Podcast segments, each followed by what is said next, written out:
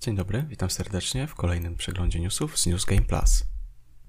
Zaczynam od razu z wysokiego C, albowiem świat obiegła wiadomość, że Microsoft kupuje Activision Blizzard.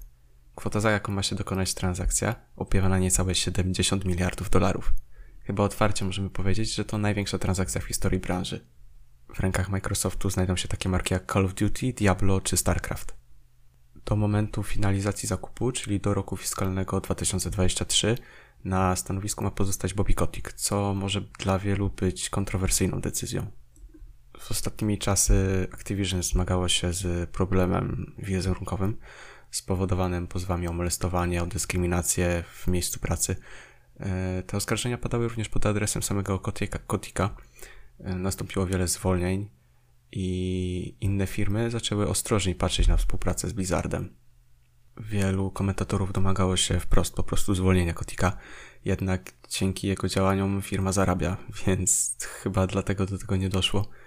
E, jednak jak podaje The Wall Street Journal, jeśli transakcja zostanie pozytywnie sfinalizowana, Kotik ma pożegnać się ze stanowiskiem.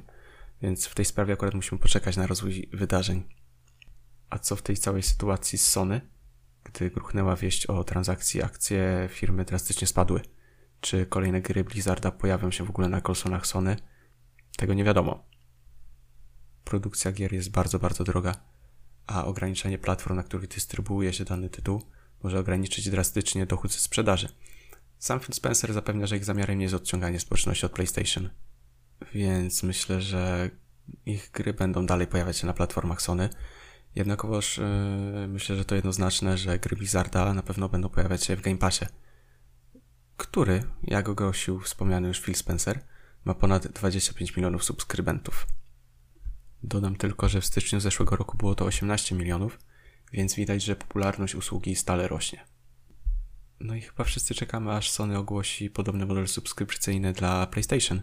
Wiemy, że pracują nad podobną usługą, ale jeśli chcą nadążyć za Xboxem, to muszą chyba troszkę przyspieszyć. Ok, przejdźmy teraz do Ubisoftu Podzielili się oni datą premiery najnowszej części The Settlers. Ma ona się odbyć już 17 marca. Tytuł trafi tylko na komputery osobiste. Chętnie mogą zapisywać się już na zamknięte beta testy, które zaplanowane są na od 20 do 24 stycznia. Wróćmy na chwilę do Sony. Studio Guerrilla Games wypuściło zwiastun fabularny Horizon Forbidden West.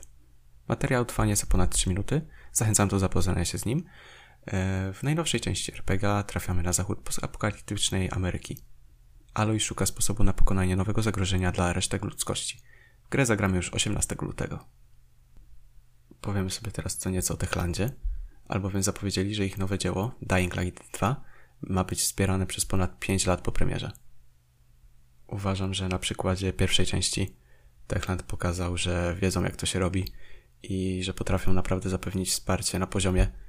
E, wypuszczali regularne aktualizacje, DLC, rozszerzenia fabularne to samo zapowiedzieli, że ma znaleźć się w drugiej części gry. Przypominam, że premiera już 4 lutego. I na koniec news od Square Enix. Poinformowali, że 25 stycznia do sprzedaży powróci Final Fantasy XIV. Ma także powrócić opcja tworzenia kont testowych. Gra została wycofana ze sprzedaży, ponieważ zainteresowanie nią było tak ogromne, że przeciążone serwery po prostu nie dawały rady. Twórcy informują również e, z wyprzedzeniem, że jeśli sytuacja się powtórzy, znowu wstrzymają sprzedaż tytułu. Myślę jednak, że zadbali oni o dodatkową infrastrukturę i miejmy nadzieję, że problemy już się nie powtórzą. I to na dzisiaj tyle.